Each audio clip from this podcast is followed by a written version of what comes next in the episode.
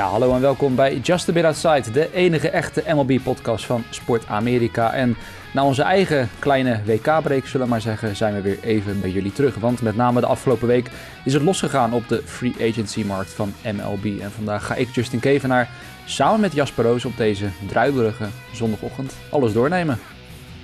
Koud, mistig, ellendig. Echt honkbal weer. Ja, nou ja, precies inderdaad. Past perfect bij de, bij de sport Marieus. Maar goed, uh, druilerig en mistig was het uh, zonne, niet voor bepaalde spelers die dikke, dikke contracten hebben gekregen. Het is nogal een rijtje, dus laten we maar gewoon bij het begin beginnen. En ja, de, de hoofdpersoon is dan denk ik wel Aaron Judge. Ging natuurlijk veel over. Zou die toch terug naar de Bay Area gaan, terug naar de San Francisco Giants? Nou, het antwoord is nee. Hij blijft gewoon bij de Yankees, Jasper. Tekent daar een dik contract. Um, was jij verbaasd of, of dacht je dat dat San Francisco verhaal... dat daar wel enige kans in zat dat hij mogelijk die kant op ging? Nou, ik denk dat daar wel een kern van waarheid in heeft gezeten. Ik denk ook wel dat de San Diego Padres uh, absoluut wel een, een joekel van een, uh, een bak geld hadden klaar liggen voor hem. Maar mm-hmm. ja, er was natuurlijk in de weken voorafgaand aan dat hij dat contract tekende, werd er al gezegd: luister, de Yankees gaan zich no way laten outbieden. Dat gaat gewoon niet gebeuren. Weet je, dit is. Uh, en dat is het tot aan het laatste moment nog geweest. Het schijnt dat, dat Judge dus gebeld heeft met de Yankees en gezegd: luister, dit is de deal. Jullie mogen eerlijk weten, dit is wat ik op tafel heb liggen van de Giants. Ik wil een Yankee zijn. Bied dit en ik kom naar jullie toe. En toen hebben ze er een jaar bovenop gegooid en 40 miljoen bovenop gegooid. Ze hadden geloof ik acht jaar 320 voor hem liggen. Mm-hmm. En toen heeft op het allerlaatste moment uh, Hal Steinbrenner gezegd... nee, we willen je kosten wat kost houden. Dus we gooien er een extra jaar bij. En, uh, en 40 miljoen extra. Ja, dus, uh, ja, dan kom je uit op 9 jaar 360 miljoen dollar. ja, ja, het is sick. Maar goed, weet je, de, de, dit is een mooi voorbeeld van een jongen die, dat hebben we ook al besproken, die op zichzelf gewet heeft. Door te zeggen, ik teken niet voorafgaand aan dit seizoen een, uh, een langdurige verlenging, maar ik, uh, ik ga dit jaar helemaal los, helemaal gek. En dan krijg ik uh, enorm veel geld. En dat kreeg hij ook. 9 jaar 360 is, is geen kattenpis. Ja, ja het precision aanbod was 7 jaar 213 miljoen dollar. Dus nou ja, ja. toch mooi 140 dollar erbovenop weten te krijgen door dit seizoen. Ja, twee, twee jaar en 140 miljoen erbovenop. Ja, dat is echt, uh, echt bizar. En hij is ook al 30, hè? Dus hij is, ja, hij is 39 en tijden van dat dat contract af gaat lopen. Dus, nou ja, dat is. En dat wordt denk ik wel een, een terugkerend thema inderdaad. Uh, al heb je hier dan misschien wel te maken met een speler... die natuurlijk uh, een gigantisch persoon is. letterlijk natuurlijk ook qua frame. ja, hoe lang gaat dat lichaam dat allemaal vol kunnen houden, die, die, die, die kracht? Want ja, vooral met power hitters, hè, ik bedoel spelers in het algemeen, maar vooral power hitters... Uh, ja, die gaan vaak rond de 4,35ste. Dan beginnen ze wel af te takelen. Maar ja, dat, dat wat ik zeg, het zal waarschijnlijk een terugkerend verhaal worden. Het is gewoon, vooral de Yankees wilden hem kosten wat het kost houden. Ja, dan moet je met een negenjarig contract aankomen. Ja, en ik uh, denk dat het voor de Yankees uh, qua marketing dingen ook nog wel prima te ja. verdedigen valt hoor. Want die gaan heel veel shirtjes verkopen de komende negen jaar. Dus, Precies. En, ook, en ook voor Judge nog wat dat betreft. Ik bedoel, je blijft je, le je leven lang bij de Yankees spelen. En nou, je ziet het ook vaak in de media dan weer, waar heel veel ex-Yankee spelers weer terugkomen. Dus het is ook een, frisse verschijning. Dus ik denk dat hij ook daarin, uh, ook voor hemzelf, zeg maar, voor richting de toekomst, niet dat hij het extra geld nodig zal hebben, denk ik. Maar ja, mocht hij toch altijd nog wat leuke dingen erbij willen doen in het honkbal, dan is dat ook hiermee, denk ik, wel, uh, wel gegarandeerd. Dus ja, de Giants, die, die swingen dan wel mis. en dan is het, ik denk, als fanbase best wel lastig om dan te accepteren dat ze dan wel Mitch Henniger halen. Hè, wat in principe een, een prima speler is. en het verhaal ging wel dat ze sowieso twee outfielders wilden halen. Maar die tekent dan wel bij de Giants voor vier jaar. Um, ja, het verhaal gaat zelfs dat ze dit Henniger hebben gesigned met uh, het idee van... dan kunnen we tegen Judge zeggen... kijk, we zijn echt bezig met mm. verbeteren. We willen om jou heen ook een goed team bouwen. Want het is natuurlijk voor dat soort jongens ook wel eens de vraag voor jongens als Judge... van wil ik mm. tekenen bij een team waar ik dan de cornerstone ben... en waar we weer moeten gaan bouwen? Nee, Judge wil gewoon winnen. Ja. Dus het was voor de Giants ook wel, denk ik, een kwestie van even laten merken... hé, hey, we willen uh, echt wel een team om je heen bouwen, zo snel mogelijk. Hè? Dus dit, dit off-season nog. En kijk, we zijn beginnen met Mitch Henniger of zo. Maar ja, uiteindelijk uh, ja. gaat hij natuurlijk liever naar de Yankees. Maar... Ik wil net zeggen, dat uh, spreekt wel voor zich. En misschien dat ja. je dan, nou weet niet of hij zich daardoor laat, laat beïnvloeden. Maar ik bedoel, kijk maar naar Albert Pujols. Hè. Die ging naar de Angels en ja, was daar in het beginjaren helemaal de cornerstone. Maar voor de rest, ja, naast hem en Trout het werkt het allemaal niet. En heeft eigenlijk ja, nul playoff wedstrijden daar gespeeld, denk ik. Pools, misschien alleen zijn eerste jaar toen. Nee, volgens mij heeft hij helemaal, helemaal geen playoffs maar, gespeeld. Uh, maar kijk naar Harper met de Phillies toen. Harper tekent een paar jaar geleden bij de Phillies. Is dan de absolute grote superster. En sindsdien, in die paar jaar daarna, hebben ze echt een, een juggernaut van een team om hem heen gebouwd. Um, en hij is duidelijk naar de Phillies gegaan met het idee van... oké, okay, ten eerste is het meeste geld. En ten tweede, ik geloof in het feit dat ze hier op een korte termijn... een waanzinnig team ja. om me heen kunnen bouwen. En Harper was natuurlijk een paar jaar jonger dan, uh, dan Judge nu is toen hij dat contract tekende. Ja. Uh, dus het is op zich, het, het, kan een argument zijn voor een speler om te tekenen bij een club met het idee van ik word hier de cornerstone. En ik denk dat het in Judge's geval was van ik wil gewoon winnen. Want dat heeft hij bij de Yankees natuurlijk niet zo heel veel gedaan, hè? Laten we dat niet vergeten. Heeft hij, uh, niet nee, heel dat, veel gedaan. nee, dat klopt. Dat klopt inderdaad wel, ja. Dus dat zal hem denk ik nog wel ergens aan steken, zeg maar. Dat hij dat wel de komende jaren natuurlijk wil... Daarin wil gaan slagen. Uh, je maakt onbewust wel dan meteen een mooi bruggetje. Want later naar die Phillies gaan. Je zegt het net, Harper, die heeft er dan getekend. En nou goed, afgelopen jaar natuurlijk de World Series gehaald. Dus dan, dan is er wel een soort van bewijs van... hij heeft waarschijnlijk de goede keuze gemaakt, ook sportief gezien. En de Phillies die, die pakken door, zoals Joe Dombrowski dat graag doet in free agency. Die, die, ja, die smijt het geld de deur uit. Dave, hè? Hij oh, Dave, Dave, Dave Dombrowski. Ja. Ik zit er denk ik Joe Dombrowski. Dan, wie, wie is Joe Dombrowski? Ja, ja nou, dus het zat wel in mijn hoofd. Dus misschien, misschien is het een of andere obscure relief pitcher of zo. het zou goed kunnen. Ik zal het zo even opzoeken. Maar Dave Dombrowski inderdaad. Uh, ja, die halen Trey Turner binnen. Dat is dan voor nog meer jaar, 11 jaar. Wel wat minder geld, maar nou, voor 300 miljoen dollar zou ik het ook wel doen, denk ik. 11 jaar voor een speler van 30. Ja. Die ook, wiens, wiens uh, game behoorlijk toch afhankelijk is van zijn, zijn, zijn rensnelheid ook. Want Turner is natuurlijk gewoon, ja, het is een heel allround honkballer, maar mm -hmm. de, de, een groot gedeelte van zijn kwaliteiten komen uit zijn benen. En dan vind ik het nogal wat om 11 jaar te geven aan iemand van 30. Want ik bedoel, als er iets op een gegeven moment gewoon gaat verdwijnen, is het uh, de snelheid in je benen. Dus. Ja. ik vind het nogal wat hoor. Ik vind het nogal wat. Maar goed, dit zijn allemaal van die moves. We krijgen er nog een paar zo meteen. Die dit zijn allemaal teams die gewoon nu willen winnen. Dit zijn geen moves, dit zijn geen moves voor over nou, 5, 6, 7, 8 jaar of zo. Nee. Dit is over, over, over 6, 7 jaar, misschien wel eerder, zijn de Phillies echt een drama. Want al die spelers zijn oud, al die spelers gaan kapot. En ze hebben zoveel geld in die gasten geïnvesteerd dat ze niks meer erbij kunnen halen om het eventueel op te vangen. En dat zie je dus ook al. Ik zei direct na die move al in onze appgroep, waar Jimmy ook in zit als Phillies fan. Ik zei van ik snap deze move helemaal voor de komende drie, vier jaar. Ja. Maar zelfs volgend jaar hebben ze al een probleem. Want volgend jaar hebben ze geen pitching meer. Want er gaan een aantal meerdere jongens van, uh, van die pitchers gaan weg. Die hun contracten zijn op of die kunnen ze niet meer betalen. Ik zie ze geen dikke verlenging aan Aaron Nola geven bijvoorbeeld op deze manier. Want het geld is een keer op. um, nou, dan halen ze vrij snel daarna nog wel Taiwan Walker. Juist om dat weer op te vangen, denk ik. Hè? Want ze gaan dus starting pitchers verliezen. Uh, dus er is blijkbaar wel genoeg geld voor Taiwan Walker. Die ook weer vier jaar en was het 72 miljoen ja. of zo krijgt. Dus ze hebben hetzelfde probleem aanzien komen, namelijk dat ze over een jaar en over twee jaar geen pitchers meer hebben. Dus ze zijn nu ook al aan het inladen van voorwerpers. Maar ja, die Turner, dat contract gaat natuurlijk ook enorm op de begroting drukken. Ik bedoel, Harper had, wat was het, 13 miljoen, of 13 jaar 300 nog wat miljoen. Uh, Turner 11 jaar 300 nog wat miljoen. Castellanos heeft een dik contract. uh, het, houdt, het houdt een keer op natuurlijk. Maar voor nu, voor de eerstvolgende paar jaar, is dit voor de Phillies, uh, ja, dit is een feest. Ja, maar het is wel weer, het is typisch Dombrowski, hè? Ja, dat wil ik net Dombrowski... zeggen Dat is toch een beetje een hele MO inderdaad, van uh, oh, man. alle die, grote, die brand... grote namen binnenhalen en uh, farm systems, dat boeit even niet. Farm system leeg, leegmaken, geld leegmaken. Over een paar jaar is deze club, net als alle andere clubs die Dombrowski achtergelaten heeft, is een, een wrak. Want de Red Sox zijn nog steeds niet de Dombrowski-periode te boven. De Tigers zijn nog steeds ja, nee. niet de Dombrowski-periode te boven. Je zou zelfs kunnen zeggen, en dat is niet Dombrowski's schuld, maar je zou zelf kunnen zeggen dat de Marlins de Dombrowski-periode nog niet te boven zijn. Maar daar heeft nog heel veel andere dingen hebben ertussen ja. gezeten. Maar de Tigers en de Red Sox hebben nog steeds, die zijn nog steeds aan het opbouwen van wat hij allemaal af, afgebrand heeft achtergelaten. En dat gaat hij met de Phillies, is hij nu ook mee bezig. Alles voor succes voor nu. Ja. En geen enkel idee van hoe het over een paar jaar. Dat is niet voor hem niet belangrijk. Alleen het probleem is dat je natuurlijk als. Kijk wat de Astros doet. Je wil een, uh, een periode van succes hebben. die, zoals dat dan met een mooi Nederlands woord, sustainable heet. Je wil dat op een of andere manier elk jaar competitief blijven. En de Astros kunnen dat heel goed. En Dombrowski, die, wil, die wordt waanzinnig competitief met zijn teams. Maar dan vallen ze ook vervolgens weer in een, een gat van 10, 15 jaar... waarin er helemaal niks gebeurt. En ik denk dat het ook met de Phillies gaat gebeuren op deze manier. Ja. Nou ja, maar en dat is het uiteindelijk met, met, met al deze contracten... wat je denk vooral aanhaalt, wat heel belangrijk is inderdaad... van het is voor vier jaar, misschien vijf dat je echt deze speler in zijn absolute top meemaakt. Uh, alleen dan accepteer je dat je daarna misschien 100 miljoen dollar zo ongeveer de, het uh, grootsteentje ingooit en zegt van nou ja, die eerste vier jaar waren geweldig. Misschien hebben we een World Series gewonnen.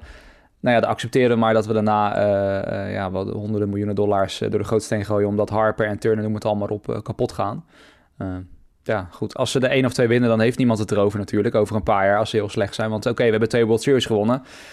Als je ze niet wint, ja, dan wordt het een erg pijnlijk verhaal. Maar goed, dat zal de tijd ons dan, uh, ons dan leren. Uh, want als we het over elfjarig contracten hebben... De Padres, ik bedoel, zijn de Padres ook weer niet. Ze hebben natuurlijk dan met Judge hebben ze, hebben ze kort gesproken. Ja, die moeten ook natuurlijk elk offseason met AJ Preller wat gaan doen. die besluiten dan voor Zander Bogaerts uiteindelijk te gaan. 11 jaar 280 miljoen. De Red Sox wilden naar verluid graag houden. Maar ja, dit prijskaartje was toch iets, iets te gortig voor, voor Boston om hem te behouden. Dus hij gaat naar San Diego. Lekker met uh, Manny Machado. In ieder geval voor komend seizoen nog Juan Soto spelen. Nou, dit, dit is natuurlijk ook een move die uh, uh, voor de Padres een, een, een, behoorlijke wijziging in de line-up gaat uh, bewerkstelligen. Want ze hebben al meerdere keren door laten schemen daar dat ze eigenlijk niet meer Fernando Tatis op korte stop willen hebben. Ze halen nu de, een van de top free agent korte stops in, in de league. Dat betekent dus dat Tatis zijn tijd als korte stop bij de Padres voorbij is. Die gaat naar het linksveld. Dat kan ook, want daar is plek. Zowel Profar staat daar momenteel niet meer onder contract als Will Myers is laten gaan. Dus uh, ze hebben een gat in het linksveld. Daar kan dus prima Tatis naartoe. En dan heb je natuurlijk een linkerkant van je infield met Bogarts en Machado. En een rechterkant van je infield met Hassan Kim op twee. En uh, Jay Cronenworth naar alle waarschijnlijkheid op het eerste honk zoals het er nu uitziet. Nou, dat is best wel een oké okay, uh, okay infield. Dan heb je natuurlijk nog Soto in het rechtsveld en Gresham in het, in het centerfield. Het is een line-up hoor. Ja. Het is een line-up. Nola achter de plaat. Ik, ik zie dat wel zitten, als ik eerlijk ben. Ja. En dan geldt hetzelfde een klein beetje voor uh, San Diego als voor de Phillies. Maar ik denk dat het bij San Diego meer by design is dan bij Philadelphia. Is dat ook komend jaar gaat er, of na komend seizoen, gaat er bij de Padres weer het een en ander van de payroll verdwijnen. Waardoor ze geld kunnen vrijmaken voor bijvoorbeeld een contractverlenging voor Juan Soto. Ja. Want wat er na dit seizoen weggaat bij uh, San Diego, onder Blake Snell, uh, nou, nog een paar pitchers.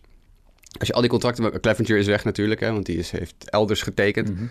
Uh, dus als je al die, alles wat weggaat bij elkaar optelt voor de Padres... dan hebben ze precies een jaarcontract voor Juan Soto vrijgemaakt. Dus dan zouden ze kunnen zeggen... oké, we hebben nu de financiële mogelijkheden om Soto te verlengen. Nou ja, als, je, als ze dat ook nog voor elkaar krijgen... dan, uh, dan wordt het de komende jaren heel gezellig in San Diego. Ja. Nou ja, en ook daar dat dan misschien natuurlijk het afgelopen seizoen... het nog meer geënforced heeft van... Hè, ze hebben bijna de World Series gehaald... Dat, dat, ze echt het gevoel hebben dat ze er heel dichtbij zijn. En dat dan misschien uh, Bogaerts, die uh, afgelopen jaar vooral defensief flinke verbetering maakte. Dat misschien wel het meest verrassende aan zijn, aan zijn spel. en ja, voor Boston natuurlijk wel pijnlijk, denk ik, in die zin. En natuurlijk een jongen die er zo lang al zit, dat je die toch ziet, ziet vertrekken. Alleen, ja, naar verluid willen ze niet echt al te ver boven die 200 miljoen dollar uitkomen. Ja, als de ja. Padres er 80 miljoen boven gaan zitten, dan wordt het lastig verhaal. Nee, daar ga je niet aankomen. De Padres hadden ook al iets van 400 miljoen klaar liggen voor Judge of zo. Dus het is wat dat betreft gewoon geld dat ze nu hebben kunnen besteden aan Bogaert. Het is voor de Red Sox natuurlijk, zorgt dat voor wat, uh, wat financiële wiggle room in de, in de zin dat ze ja, een paar andere jongens kunnen binnenhalen. Um, maar ja, de vraag is natuurlijk een klein beetje... Kijk, de Red Sox hebben natuurlijk meerdere gaten. Dat hebben we al jaren gezien. En met alle respect, Chaim Bloem, zoals de situatie op dit moment is, is niet bepaald de beste GM in de Major Leagues. Als je kijkt wat hij allemaal ja, kwijtgeraakt is en niet voor elkaar heeft kunnen mm -hmm. krijgen. Met een ownership group waar zo verschrikkelijk veel geld in zit, dat hou je niet voor mogelijk. Uh, er is natuurlijk wel meer dan één gat te vullen bij de Red Sox. En ik kan me wel een klein beetje voorstellen dat je zegt van... oké, we kunnen al onze uh, dollars in één speler stoppen... maar dat lost het probleem niet op dat, dat we niet competitief zijn. En ik denk dat dat er een beetje achter zit. Dat ze hebben gezegd van oké, nou hij wil x per, per zoveel jaar hebben. En ook voor Bogarts geldt natuurlijk, dit is een 11-jarig contract. Bogarts is 30, dus dit contract duurt ook tot zijn 41ste. Dan ga er maar gerust vanuit dat de laatste 5, 6 jaar van dit contract hij niet waar gaat maken wat hij per jaar krijgt. Ja. Niks, niks ten nadele van Bogarts, maar dat is gewoon puur, weet je, dat zijn de trends in leeftijden en zo. Mm -hmm. um, ik kan me wel voorstellen dat de Red Sox volgens zeggen, nou dan kunnen we beter dat geld stoppen in, uh, in een, een, nieuwe outfielder en wat bullpen jongens. Ja. Ja, ik zit ook te denken meteen, tot, tot wanneer loopt Devers contract eigenlijk door? Dus volgens mij nog maar twee jaar of zo. Ja, want ik geloof dat hij en Bogaerts toch best wel dikke mik waren, toch ook? Uh, ja, is misschien ook wel logisch natuurlijk als teamgenoten, maar... Uh, ik zal eens even voor je kijken hoeveel uh, Devers... Volgens mij is hij ook al bijna free agent. Devers is een free agent in... Europe. nou, hij is arbitration eligible nu voor het laatste jaar. Oké. Okay. Dus... Nou ja, maar dat, tenminste, dat zag ik ergens nog voorbij komen, geloof ik. Dat, dat, dat men ook vreest dat dit dan de kans misschien verkleint dat Devers uh, ook dan wil blijven, zeg maar, ja, tenzij er misschien zo ziek veel geld bij komt kijken, dat hij wel zegt van, uh, joh, ik uh, blijf een Red Sox voor life, maar dat ja, maar dit dan niet helpt. Zeg maar. gewoon 18, 18, 19 miljoen per jaar krijgen, hè? want die gaat zo meteen ook een, een loonsverhoging, een marktconforme loonsverhoging voor een seizoen krijgen. Mm -hmm. En nou, dat gaat naar, even kijken, hij had dit seizoen verdiende hij 11. Ja, dat gaat toch gauw naar een 17, 18, 19 miljoen per jaar. Zo. Dus dat kost ook wel een stevige, stevige smak. Ja, dat gaat wel veel geld kosten. Ik zat trouwens nog tussendoor. Joe Dombrowski is trouwens een, een wielrenner, dat verklaart het al even. 15, 15 miljoen. Oh, Joe Dombrowski. Ja, dat klopt. Die Amerikaan was dat, hè? Die ja, die, voor dat, uh, uh, ja, ja, ja. ja, nog steeds voor Astana anno 2022. Dus uh, dat verklaart ja, het. Ik nou, wil graag het wielrennen, dus dan vandaar. Het kwam niet helemaal uit, uit het niets. Na volgend jaar is Devers free agent. Na 2023 okay. is hij free agent. nou ja, daarom, dat wordt dan ook interessanter. Dus de volgende Het volgende vraagstuk dan voor de, voor de Red Sox, die dan ongetwijfeld, nou ja goed, we komen er zo op terug. Ze hebben wel wat gaten uh, trachten te vullen, uh, maar daar komen we straks dan nog op, uh, op terug. Laten we eens naar New York gaan, naar de Mets dan. De Yankees hadden dan vooral het nieuws door natuurlijk Judge te behouden, maar de Mets die, nou ja, we hadden toevallig vanochtend onze appgroep erover, die zijn die payroll maar aan het spekken, aan het spekken, aan het spekken met spelers. En de grootste naam is dan natuurlijk Justin Verlander, want de Grom die is weg, komen we zo op. En die vervangen ze eigenlijk één op één met, met Justin Verlander, kan je stellen. Tekent voor twee jaar.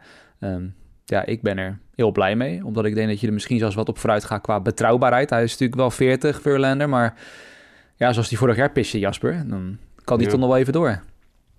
Ja, prima move hoor. Ik bedoel, uh, ik, ik, begrijp wel. Kijk, de, de Mets die zijn bezig. Ik schreef het ook in een artikel op Sport Amerika. Die zijn bezig van de, van de week geweest om uh, elke pitcher die in het Reagan-presidentschapstijdperk uh, geboren is vast te leggen. Dus het is allemaal knijter oud. Uh, maar ik denk dat ze vooral inderdaad betrouwbaarheid willen. Ze willen jongens die de innings gaan maken. Jongens die, nou ja, Verlander is natuurlijk regerend Cy Young Award winnaar. Dus dat is, ook al ben je 40, dat is ook niet verkeerd. Nee. dus uh, ik denk, ja weet je, het is hartstikke veel geld. Wat is het, 40 miljoen per jaar of zo wat hij krijgt? Maar ja, dat is ik het uh, hoogste, de enige pitcher samen met, ironisch genoeg, Max Scherzer... die zo'n hoog gemiddelde heeft als, als pitcher per jaar. De, ja. de payroll bij de Mets. Ik, ik appte er nog wat met jou over. Het is ja, echt het Paris Saint-Germain van MLB. Geschrift. Het is de, de op één na hoogste payroll van een sportclub ter wereld. Alleen Paris Saint-Germain geeft meer geld uit aan salarissen van spelers. En Paris Saint-Germain is uh, eigen, eigendom van een land. ja, dat is ook inderdaad. uh, goed argument bij je. Ja. Hey, holy hell, man. Ja, kijk, nogmaals, ik gun het de Mets-fans van harte. Want het is uh, heel veel houtje bijten geweest de laatste 40, 50 jaar. Maar leren. Of dit nou goed is voor de sport, weet ik ook niet hoor. Nou ja, dat, dat, dat, dat zei ik vanochtend, dat het dan tweeledig is. Ergens voel ik me er ook wel een beetje vies bij inderdaad. Van, uh, ja, je was toch ook in, binnen New York al jarenlang de underdog. En nu ben je zelf ineens uh, de grote slechterik die alles binnenhaalt met die, met, met die grote zak geld. Uh, alleen ja, is het dan de vraag, ja, moet je Cohen erop aankijken dat hij zoveel geld heeft en bereid is het ook uit te geven? Al is het denk ik procentueel voor hem nog steeds een uh, schijntje qua wat hij ja, dan uh, binnenhaalt. Of ja, moet je de eigen met penalties erbij, hè? Want ze ja. krijgen zo verschrikkelijk veel luxury tax penalties vanwege nee, het feit dat ze zo en, keihard en, doorheen knallen. 421 miljoen, inclusief penalties. Dat is bijna twee keer zoveel als de gemiddelde like, topclub payroll in Amerika. Nou ja, daarom, het gaat helemaal nergens al, al gaat die threshold iets omhoog de komende jaren, uh, wat het ongetwijfeld zal doen, dat gaat belangen nou niet genoeg zijn om dit, nee. dit te kunnen compenseren. Nee, dus uh, nee, het, het, het, voelt goed aan de ene kant, maar het voelt ook een beetje smerig inderdaad als, als Mets-fan zijn. Maar ja, nogmaals wat ik zei, is dan zijn schuld of de schuld van andere eigenaren die de, de kantjes eraf lopen en het minimale doen. Uh, ook dit offseason. Nou ja, ik weet, ik, ik, weet, ik weet of het de kantjes eraf lopen is. Er zijn genoeg clubs waar inderdaad een beetje de kantjes van afgelopen worden in de zin van hè, de Cleveland Guardians en de Baltimore Orioles een tijdje en de Pittsburgh Pirates en noem maar op. Maar er zijn ook genoeg clubs die gewoon een gezonde payroll hebben. Ja. Hè, 200, 250 miljoen. En als daar een club dan met nou bijna dubbel zelfs die doorheen kunnen niet tussenkomen. Nee. Nee, dat, dat is... Ik, ik, ik weet gewoon niet of het gezond is voor de toekomst van de sport. Want je kan, geld is eindig, weet je wel. Je kan geld blijven verdienen. En MLB gaat hartstikke goed, hè. Laten we dat niet vergeten. Mhm. Want dat- ze stonden laatst... eh, was er een top 15 eh, uitgebracht van sportgerelateerde merken, geloof ik. Was, misschien was het niet eens sportgerelateerd. Gewoon brands in Mhm. algemene zin. Die het meest vooruit, financieel erop vooruit waren gegaan. En Major League Baseball was de enige sportbond die ertussen stond. In de top 15. Dus meer, meer profitable dan de NFL. Meer prof, grotere boost dan eh, de NBA. Grotere boost dan, eh, eh, noem het maar op, de, de, de UEFA of FIFA, Mhm. weet ik veel. Mhm. Dus dat op zich, het gaat hartstikke goed met Major League Baseball op, op financieel gebied. Dus dat de payrolls een klein beetje omhoog gaan kruipen is op zich wel begrijpelijk. Ja. Maar dit zijn wel heel grote Nee, stappen. dit is hoor. geen kruipen meer. Nee, dit is Nee, dit is inderdaad... geen eh, kruipen. God, dit is, dit is gigantisch. Eh, maar goed, in, in de schaduw van Verlander, je had het net over, over pitchers die in de Reagan-era geboren zijn. Valt Jose Quintana, die valt er ook onder dan, toch? Denk ik? Jazeker. Ja, eh, 1986 zeg ik uit mijn hoofd. Dus Ja. Reagan heeft tot en met 89 is hij in de, het Witte Huis geweest. Ja, nee, daarom. Dus dan... nou ja, Quintana valt er dan ook onder. Die tekent dan voor twee jaar. En we hebben best wel een, een bijzondere renaissance ook van zijn carrière. Hij was in 2021 echt bagger eigenlijk. Eh, maar vorig jaar bij de Pirates, ik geloof voor echt één jaar en een paar miljoen getekend. En eh, toen getraind naar de Cardinals en daar soort van zijn carrière toch weer eh, een nieuwe impuls gegeven. En nu vooral dan te hopen voor de Mets dat hij dat niveau vasthoudt en niet terugvalt naar het niveau van 2021. Ja, op dit moment hebben de Mets... nou ja, goed, dan moet die Japaner... staat er nog niet tussen, want die Nee. komen zo meteen nog op. Maar de, de, de, de starting rotation direct nadat ze eh eh, Verlander en Quintana hadden vastgelegd... was een 40-jarige Verlander, een bijna 39-jarige Scherzer... een 34-jarige Quintana en een 36-jarige Carlos Carrasco. dus ja, oké. Nou ja, en daar komt dan, laten we misschien wel meteen zeggen, Kodai Senga bij. En die is geloof ik, had ik net gelezen, 29. Dacht ja, ik, ja. wordt, ja, hij wordt, 30, nou, hij wordt 30 in januari. Dus het is eh, ook wel een, een- ja, een man die... Ik kom niet oud 30 noemen. plusser. Ja, nou ja, 30 plus. ja. Wij zijn ook 30 plussers. Dus eh, ik wil ze zeggen, Ja, daarom zeker jou. wij kunnen geen honkbal met 100 mijl per uur gooien. Nee, Dus dat niet. Nee. En dat, dat, dat verbaasde met, met die Senga. Want ja, ik had eerlijk gezegd eh, geen idee eh, wie hij is, hoe hij gooit. Maar toen ik het een beetje te lezen en dat hij wat dat betreft wel een wat atypisch profiel heeft voor Japanse pitchen. Namelijk iemand die wel echt snoeihard kan gooien. En waar er daardoor juist wat vraagtekens zijn of hij wel een beetje de strike zone kan, kan beheersen. En vooral hoe dat dan straks gaat tegen, tegen slagmannen in MLB. Ja, ik ben heel erg benieuwd. Maar ja, ook hier de. Het- Er zit vijf jaar en 75 miljoen dollar gooien ze er tegenaan om eh, Senga eh, binnen te halen. Eh, dus ja, Een zal- volledige no-trade clausule en een Ja. opt-out clausule na 2025. Ja. Dus hij heeft een- niet alleen een stevige bak geld gekregen voor iemand die nog nooit buiten Japan een bal gegooid Mhm. heeft, maar hij heeft ook nog alle mogelijke andere perks gekregen. Ja, daarom. Dus ook daar, dan, en dan kan je ook afvragen, was er, dan waren er toch waarschijnlijk wel andere serieuze gegadigden. Als je dan bedenkt dat ze zover moesten gaan voor iemand die in Amerika dan nog niks bewezen heeft inderdaad. Maar Het enige Ja. voordeel voor de Mets is dat ze geen, op, geen eh, eh, posting fee hebben moeten betalen voor hem. Meestal moet je bij Japanners Oh, natuurlijk een, eh, een bedrag Ja, betalen. die waar, ja. gast die, die naar de Red Sox gaat, daar hebben we het nog ja, niet over gehad. Die, die, Ja. die outfielder, daar moest nog 15 miljoen dollar Mhm. bovenop gelegd worden vanwege de posting fee. Maar hij had een clausule in zijn contract bij de Nippon Softbank Hawks. Nippon Baseball Softbank Hawks, de Fukuoka. Oh, ja. Ik lees het nu, ja. ja. Waarin ze inderdaad zeiden van, nou ja, als je weg wil, mag je weg. En, eh, maar goed, ik bedoel, 2,60 ERA in zijn carrière in 11 jaar in Japan. Een strikeout rate van meer dan, een, eh, meer dan 25% Hmm. Onder 10% walk rate. Eh, beetje vergelijkbaar met eh, Daisuke Matsuzaka qua pitcher. Ook harde fastball, zeker in het begin van zijn carrière... toen Matsuzaka natuurlijk net naar Amerika kwam. Eh, gooide ook gewoon hoog in de 90s met een killer splitter. Nou, dat heeft Senga ook. Die heeft echt Ja, een zieke, zieke, zieke splitter. Dat is natuurlijk een pitch die je in Japan heel veel ziet. En die ze dus ook heel goed kunnen gooien. Eh, dat is wel een, eh, het is wel een leuke, leuke pitch. Ik vind het wel een Ja. leuke, leuke move. Nou ja, het is in ieder geval heel interessant om te volgen. Inderdaad, gewoon dat je ja, zo'n gozer totaal niet kent. En benieuwd hoe dat dan eh, vertaalt naar eh het Amerikaanse honkbal. En de Mets, om dan maar het rijtje aan moves af te maken. qua pitching kwam dan Brandon Robertson erbij. En toch ja, altijd wel een betrouwbare relief pitcher die voor één jaar komt. En Brandon Nimmo, die bleef. Ja, ook die nog. Ja, en die tekent voor 8 jaar 162 miljoen. En dat, dat vind ik ook wel fors voor een ja, degelijke tot goede outfielder. Die alleen op. wel vrij snel kapot gaat. Het slaat echt nergens op. En ik begrijp het aan de ene kant van de Mets ook wel. Want die hebben waarschijnlijk gewoon vooruitgekeken naar... oké, wat is de free agent markt dit jaar op het gebied van outfielders? Wat is het volgend jaar en het jaar daarna en het jaar daarna? En er is niet zo heel veel. Want heel veel van die jongens liggen langdurig vast. Heel veel van die jongens waarvan je denkt... Hey, die, zouden, die zou een verschil kunnen maken, die liggen langdurig vast. Eh, dus toen dachten ze, nou met Nimmo weten we wat we in huis hebben. We willen hem kosten wat kost houden. Er waren best wel wat teams die geïnter- eh, geïnteresseerd waren in hem. Maar ja, niemand kan tegen de Mets op. Ik heb het even opgezocht. Weet je, ze hebben in, alleen al in penalties... eh, meer uitgegeven dan de payroll van, ik geloof, 15, 13 teams in Major League Baseball. God. Alleen al in penalties. 11, 11, sorry. Ik zei 13, het is 11.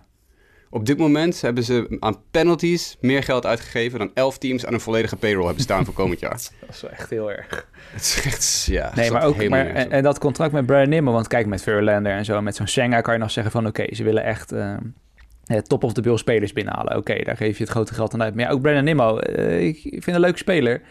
Maar hij is ook vrij blessuregevoelig. En dat is dan echt, vind ik, zo'n contract van... Het boeit echt gewoon niet hoeveel geld eruit wordt gegooid. Als je maar gewoon een beetje your guys kan houden. En eh, nou ja, wat je net zegt, dan ook ziet dat er niet echt iets aankomt... wat exceptioneel hoger niveau haalt dan Nimmo.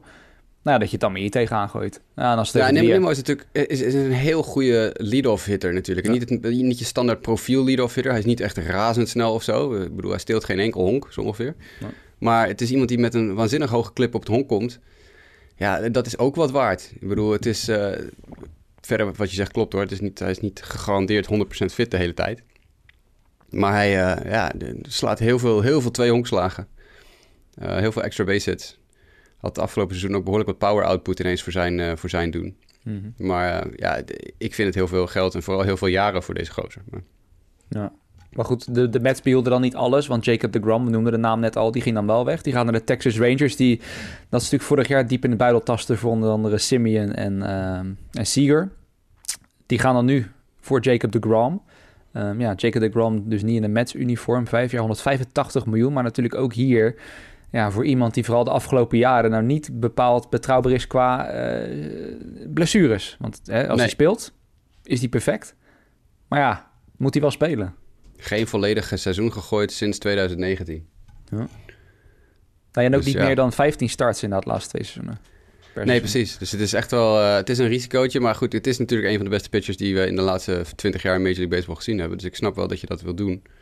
En uh, hij kwam natuurlijk vrij vroeg al met het... Uh, vrij vroeg in het offseason al naar buiten met... hey, ik wil best wel voor de Rangers spelen. En toen bleek dat Bruce Bochy daar iets mee te maken had. Dat, mm -hmm. Hij wilde gewoon graag voor Bochy spelen. Maar ik, ik vind nogal wat. Ja, nou ja, maar je ziet het is een risico. Maar... Ja, nou ja, je ziet hiermee wel duidelijk ook in, in, in, de andere moves die ze hebben gemaakt, hè, dat een duidelijke focus lag op de rotation. Want dat zag je vorig jaar. Leuk dat je Seager en Simeon binnenhaalt, maar ja, die line-up was net niet goed genoeg aan de onderkant. En de pitching, vaak drie tot en met vijf waren echt jongens waarvan je dacht, wie zijn dit in hemelsnaam? Hè, buiten John Gray en dan uh, Martin Perez, die wel een goed jaar had natuurlijk, uh, laatst genoemde.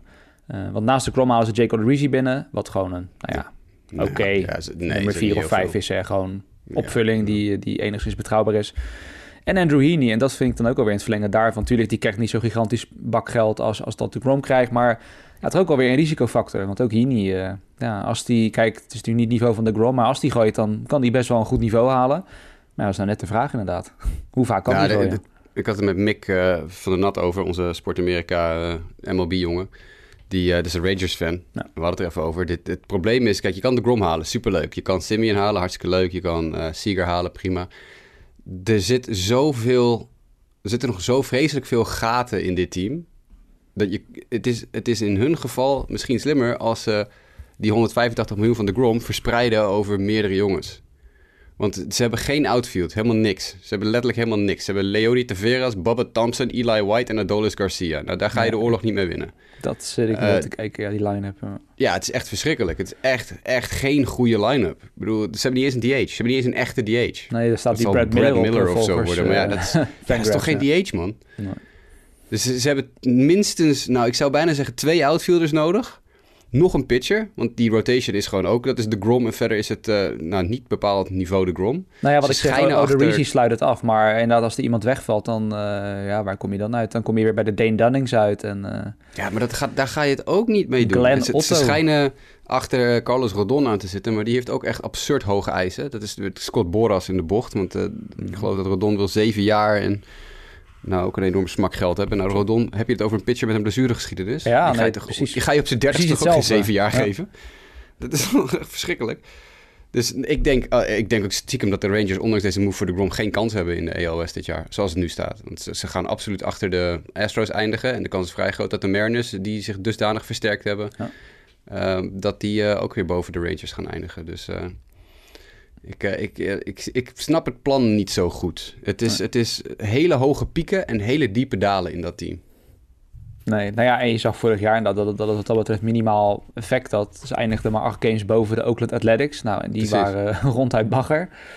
Um, het is aan de ene kant valt te prijzen dat ze wel doen. Maar inderdaad, of het, of het zinnig is, dat, dat valt te betwijfelen. Inderdaad, als ik, nou, ik kijk, hoop niet dat ze klaar zijn. Voor nee, dat is het dan vooral dat ze klaar zijn. Als het wel Moet zo meer. is en dit wordt Moet het, meer dan, uh, nee, dan wordt het een problematisch, uh, problematisch jaar. Um, laten we dan doorgaan. We blijven van de American League. De Red Sox, wel hadden ze net natuurlijk al benoemd, omdat ze dan Bogaerts kwijtraken.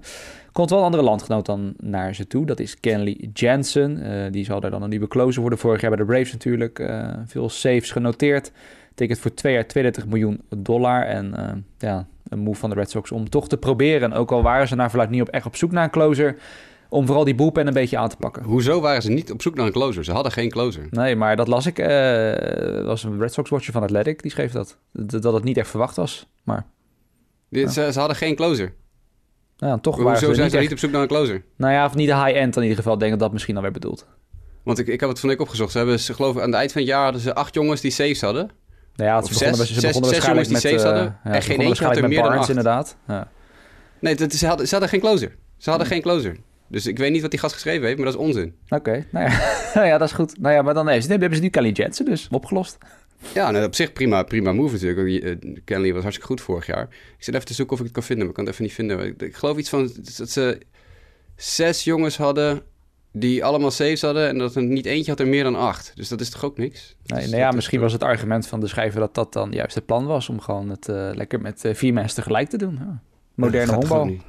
Negen, negen werpers hadden saves en niemand had er meer dan acht. Dus kortom, ze hebben negen werpers gebruikt in de closersrol, maar niemand was echt succesvol. nou, dat, is- ja, dat Ja, zou en in wel- dat licht vind ik het dan ja, het wel compleet logisch dat ze dit hebben gedaan. Ja. Nou, maar goed, los, daar, los daarvan, twee jaar, eh, 32 miljoen voor Kenley is echt wel een prima deal. Dat is, eh, zit hij nog steeds Ja. wel in de, in de bovenste regionen qua closercontracten, maar er zijn er meer, meer die meer verdienen.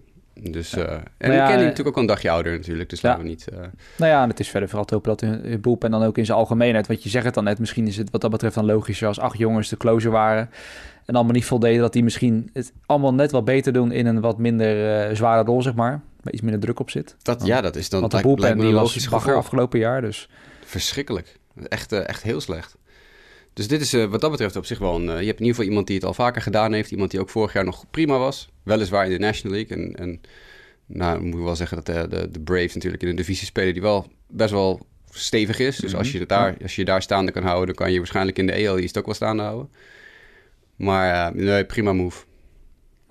En dan verder de Red Sox, daar halen ze nog een andere Japaner binnen waar we het net al kort over hadden. Want daar moest zij, zij dus wel een posting fee van, was het 15 miljoen dollar? of zo 15 voor miljoen, betalen? ja. Best wel flink. Ja. Voor Masataka Yoshida, een 29-jarige outfielder die nu wordt geproject om ook meteen de lead-off hitter te worden voor de Red Sox. Oh, dat Voor- is interessant. Verdugo Endeavors, maar dat kan misschien ook gewoon een, eh, een ruwe inschatting zijn. Ja, heb jij enig idee wat, wat deze jongen biedt? Ik eerlijk gezegd niet, maar... Ja, nou, hij bood eh, in zijn, zijn carrière in de NPB, die eh, zeven seizoenen geduurd heeft, een 960 career OPS met een 327 slaggemiddelde. 135 home runs in 781 wedstrijden. Eh, en nou ja, ik snap wel dat ze een lead-off hitter willen maken. want Deze gast die strike nooit out. Dat is echt ongelooflijk. Dat is echt sick. De jongen heeft maar 300 strikeouts in zijn carrière. Zo, Over, over zeven jaar. dat is niet verkeerd, Dus- nee. Nee, dat is echt eh, fantastisch. 430 walks. Dus ook nog een keer echt behoorlijk veel meer walks dan strikeouts. Mhm. 900 base hits, 474 RBI's in Japan en 425 runs scored. Dus eh hele degelijke speler. Ehm, niet super veel power, maar wel eh, kan er af en toe echt wel een beetje uitleggen. Zeker als lefty natuurlijk eh, in, in Boston, bij dat lekkere pesky hoekje. Ja. Dus nee, prima, prima, prima move. Ik ben heel benieuwd hoe hij het gaat doen. Ja. Leuke, leuke speler. Ja, nou, ik ook. En dan tot slot misschien de laatste naam die we iets uitgebreider bespreken. Eh, of tenminste, was het een beetje de bedoeling. Wilson Contreras, want de Cardinals eh, doen eigenlijk niet zo heel veel. Sterker nog, ze maken één echte move. En dat is dat ze Wilson Contreras halen om natuurlijk Yadier Molina te vervangen. Ehm, het is ook, vond ik wel interessant, vijf jaar, 87,5 miljoen. Ook het grootste contract wat de Cardinals ooit voor een free agent hebben uitgegeven überhaupt. Wat een beetje Ja, wel, eh, verrassend. wat aan de andere kant misschien ook weer niet verrast. In die zin dat het wel echt bij uitstek het team is wat vaak van binnenuit goed weet op te bouwen. Eh, maar ja, de erfenis van Molina valt op de schouders van eh, Contreras. Ja, je moet het ook een beetje, het is een beetje krom geformuleerd natuurlijk. Ik snap het wel, de grootste contract in free agency uitgegeven. Ja, maar ze hebben wel een paar jongens contracten overgenomen in trades van jongens die Ja. daar wel overheen gaan. Mhm, ja. Ik bedoel, de Goldsmiths en de Arenado's, dat is dan weliswaar geen free agent contracten, maar dat zijn wel gewoon jongens die op de payroll van buitenaf gehaald zijn. Precies, ja. Uh, maar ja, ik, ik snap dit wel. Je hebt natuurlijk net, uh, hoe lang heeft uh, Jadi daar gezeten? 15 jaar of zo? Minimaal, ja. Minimaal. Super lang. Dus wat dat betreft is het ook wel begrijpelijk dat, uh, dat ze zoiets hadden van... hé, hey, we moeten proberen om weer stabiliteit te creëren in, in, ja, op die positie. Dat is natuurlijk een heel belangrijke positie. Ja. Dus ik snap het wel. En Wilson Contreras is natuurlijk gewoon een heel goede, heel goede catcher. Ja. Laten we dat vooropstellen. De, de, hij, hij, kon er ook niets aan doen dat hij het laatste paar jaar bij een waanzinnig slecht team speelde. Nou ja, daarom dat zoveel cups zijn, zal iets minder leuk zijn natuurlijk. Dat hij gewoon... Uh, 19 seizoenen speelde Molina bij uh, de Cardinals. 19. Dat is wel flink, ja. Mijn hemel, ja. Nee, had ik zit ook te denken, wat hadden ze verder? Ja, verder hadden ze ook qua catching niks achter de hand. Andrew Kneiser. Nee, is helemaal niks. Nee, ze hadden ook geen prospects. Die de, nou ja, Ivan Herrera staat hier. Die staan er wel goed aangeschreven. Maar ja, om dan meteen zo'n jonge gasten van 22 uh, er voor tegenaan te gooien. Ze zijn natuurlijk ook gewoon in contention. En vorig jaar divisie gewonnen. Dit jaar ook wel weer de favoriet. Dus dan snap ik dat je voor nu een ervaren jongen uh, erbij had. En dan zou Herrera altijd natuurlijk in zijn schaduw uh, ja. langzaam klaargestoomd uh, kunnen worden. Want vijf jaar is nou, precies, lang. Maar als je over precies. de contracten van net hebt, valt het ook weer mee. Precies, en hij is 30, Contreras. Ik denk dat je prima van een catcher kan verwachten dat hij tussen zijn 30 en zijn 35 nog redelijk goed mee Precies. kan. Ik denk dat het daarna ook wel vrij snel op kan houden. Ja. we zijn natuurlijk niet allemaal Jadier Molina's die tot onze veertigste door kunnen gaan met op onze hurken achter een plaat zitten. Nee. Maar ik denk dat dit qua lengte van het contract, de plek, het moment in zijn carrière en zijn productie. Ik denk dat de Cardinals een uh, uitstekende move hebben gemaakt. En het was ook hun nummer één prioriteit. Hè? John Baziliak had al gezegd aan het begin van het offseason... we willen in ieder geval de catcherpositie regelen. Ja. Nou, dat hebben ze gedaan. Nou ja, precies. Want dat, dat, ik zeg dan wel, het is de enige move. Maar de vraag is inderdaad hoeveel andere openingen hadden ze om te vervullen. Uh, precies. Dat was echt wel bij far de enige prioriteit die ze hadden. Want voor de rest verandert er niet heel veel bij het team. Dus uh, nou ja, heeft wat dat betreft goed de zaak op, op orde. Nou, dat waren dan een beetje de, de meeste high-profile names. Maar we hebben nog een heel rijtje aan namen die door zijn gaan. We zullen ze misschien iets sneller doornemen, ook voor de luisteraars. Zodat deze podcast niet uh, eh, 2,5 uur gaat, uh, gaat duren. Maar we daar beginnen. En daar weet jij dan uh, denk ik veel meer over te vertellen. Dat was eigenlijk nog voor de winter meetings. natuurlijk het nieuws dat Jose Abreu ja, weggaat bij de White Sox. En dat de White Sox daarentegen wel Mike Clevenger halen. En ik weet alleen nog uit het, het appgesprek dat je nou ja, er niet heel erg blij van werd, toch? Van Clevenger? Nee, niet specifiek. Ik ben wel een beetje bijgetrokken inmiddels vanwege het feit dat uh, hij een interview heeft gegeven met NBC Chicago, waar hij wel wat beter voor de dag komt. Mhm. Maar ja, kijk, Jose Abreu, die kon niet blijven. Dat is, weet je, ik vind het een, het is een icoon van de club. Alleen hij is 5,36. Uh, hij speelt een positie waar we heel veel andere spelers voor hebben. Eerste honk slash DH, daar hebben we er nogal wat van in, uh, in Chicago. Met Eloy Jimenez, met Andrew Vaughn, met Gavin Sheets, met, nou ja, noem ze maar op. Ja. Um, op een gegeven moment, puur zakelijk. Ik was gisteren te gast bij een Amerikaanse podcast waar ik je ook uitgebreid over heb zitten praten. En het is een puur zakelijke beslissing. Emotioneel gezien wil je Abreu natuurlijk zijn hele carrière in een White Sox uniform hebben. Dit kon niet. Ze moesten, ze moesten ruimte maken op het eerste honk slash DH om de jonge jongens, de Vaughns, de Sheetses, de, de, de Jimenez's van de wereld een plekje te geven. Want die jongens kunnen gewoon niet in het outfield spelen. Dat kunnen ze niet. Dat hebben we afgelopen seizoen ook weer gezien. En daar komt nog eens een keer bij dat de Astros hem drie jaar voor, wat was het, 18 miljoen per jaar geven. Dat zou ik hem al helemaal niet geven. En het gekke is, de Astros die doen hier een prima goede move mee. Want die worden en jonger en beter op het eerste honk. Want ze hadden Julie Gurriel, oh, die, is die, is 40. en en heel, heel slecht dit seizoen. Die was afgelopen seizoen heel erg slecht. Die is nu uh, free agent en die zal waarschijnlijk stoppen met honkballen. Ik verwacht niet dat iemand, uh, een 40-jarige Julie Gurriel, die uh, geen bal kan raken, gaat contracteren. Dus de Astros worden er ironisch gezien jonger en beter van op het eerste honk. Maar ze hebben wel uh, behoorlijk veel geld aan een 35-jarige moeten beloven om naar Houston te halen. Ik vind het superleuk voor, voor José. Want hij gaat lekker spelen met uh, nou, een van de beste infields, denk ik, in baseball. Met Bregman, Altuve en Peña. Supergoed team. Hij gaat spelen voor een geweldige manager. En ik hoop dat hij uh, heel succesvol wordt. En, um, en nog, ja, als de White Sox nog geen prijzen mogen pakken, laat, laat Abreu met de Astros dan nog maar wat prijzen pakken. Uh, maar puur zakelijk gezien, dit, ja, het kon niet meer. Het is een heel gekke situatie voor White Sox fans. Want we hebben, we hebben maar drie eerste honkmensen gehad sinds 1990. Hè? Oh, wow. Ja, we hebben Frank Thomas van 1990 tot 1999 gehad. Paul Konerko van 1999 tot 2014. En Abreu van 2014 tot nu. Dus we hebben letterlijk ah, maar drie eerste honkmensen wow. gehad in de laatste 30 jaar. Dat is wel echt. Dus, uh, daar heb ik helemaal niet over nagedacht. Nee, ik, dacht wel dat tussen Konurko en Abreu nog wel, wel, wat tijd zat, maar oh nee. Dat nee, Abreu heeft het rechtstreeks overgenomen van Konurko, die toen DH werd. Oké. Dus uh, we hebben, ja, dit is voor Andrew Vaughn, die nu waarschijnlijk de nieuwe eerste honkman van de White Sox is. De, de vraag van, hey, uh, hoe lang ga jij daar staan? Ja. Want er is, ja, er is een historie bij deze club van nou ja, als we eenmaal iemand hebben op het eerste honk die we fijn vinden, laten we hem ook lekker staan tot, die, tot, die, tot de wielen eraf vallen, zeg maar. Ja, oh, dat is wel goed. Dus. Nou ja, dus Andrew van minimaal tien jaar. Uh... Minimaal tien jaar, ja. En dan Clevenger natuurlijk gehaald. Ja, Clevenger, ik was er geen fan van, want ten eerste vind ik Clevenger als persoon een beetje een irritante figuur. Uh, altijd een beetje over de top met al die maniertjes van hem, ook dat pitchen mm van hem met al die voetbewegingjes, word ik helemaal doodmoe van. Uh, dan natuurlijk dat verhaal van tijdens COVID nog, weet je wel, tijdens dat COVID-seizoen, dat hij bij de Guardians speelde en dat hij met Zach Plesac samen Ah, ja, ja dat was hij, ja. Ja, in Chicago notabene. Ze, ze snor gedrukt had en alle COVID-reglementen aan zijn laars had gelapt. Ja. En dat is bij Cleveland toen helemaal verkeerd gevallen. Omdat ze natuurlijk Carlos Carrasco, die net hersteld was van leukemie, ja. op het roster hadden staan. Dus toen is hij min of meer echt weggestuurd bij de Guardians... onder het mom van, nou, zo'n figuur willen we niet als teamgenoot. Uh, en nou, nou speelt hij bij de White Sox. Maar oké, dat is dan tot daar aan toe. Het is een eenjarig contract ter waarde van 8 miljoen dollar gegarandeerd... met een 4 miljoen dollar buyout en een 12 miljoen optie voor volgend jaar. Mm -hmm. Dus er, is op zich, eh, qua geld is het te overzien. Uh, hij was natuurlijk niet heel goed in de postseason afgelopen nee, jaar. Maar dat schijnt te maken hebben gehad. een beetje de mand, ja. Ja, hij had uh, een, een, gescheurde MCL in zijn knie. hij, hij pitchte dus eigenlijk op één been. Dat is uh, een Lijkt beetje vrij waarom lastig, die... ja. eh, ja, dat is vrij lastig. Dus ik hoop dat dat heelt. Ik ben een beetje doodmoe van de White Sox die telkens maar werpers blijven contracteren die eigenlijk een klein beetje kapot zijn. Calvin Herrera een paar jaar geleden. Ja, we weten dat hij kapot is, maar we tekenen hem toch voor twee jaar en 18 miljoen. En eh, Joe Kelly afgelopen jaar. Ja, we weten dat hij geopereerd Ah, moet worden, ja. maar we tekenen hem toch. En dit allemaal wordt het helemaal niks. Dus ik hoop dat het met Clevenger iets beter uitpakt. Maar ik denk vooral dat het hele lange wedstrijden worden. Want die gozer, in de tijd dat hij één inning gooit, had Mark Burley een hele wedstrijd gegooid. Maar goed, dat terzijde. Oké, ja ik ben genoeg. benieuwd. Ik ben er geen fan van. De White Sox, de White Sox moeten sowieso... Goed, daar ga ik niet te lang bij stilstaan. Want ik heb gisteren anderhalf uur over de White Sox mogen tekeer gaan eh, bij die Amerikaanse podcast. Dus eh, ze moeten echt wel nog wat gaan doen hoor. Want dit is heel frustrerend als fan. Als je, als je met een club eh, bezig bent waar letterlijk gewoon niks gedaan wordt om beter te worden. Dat is heel frustrerend. Nou ja, daarom. En het is niet dat het de Pirates of de Orioles zijn waarvan je kan afvragen van ja, ga je komend jaar ergens om, om spelen, zeg maar. Nee. Eh, ja, het gaat hier om een club die gewoon vorig jaar al de verwachting had en nu natuurlijk komend seizoen ook weer de verwachting heeft om mee te doen om de divisiewinst. En er zijn positieve ontwikkelingen hoor, bij die club. De coachingstaf, ik ben heel enthousiast over de, bijna de hele coachingstaf. Ik ben heel enthousiast over wat ze gaan doen met de biomechanics. Want er zijn een paar jongens aangenomen om biomechanical staf te gaan doen met, de Oké. met de spelers. Interessant. Dus dat is, dat is allemaal lekker progressief. Mhm. Eh, dat dat vind, ik- vind ik mooi.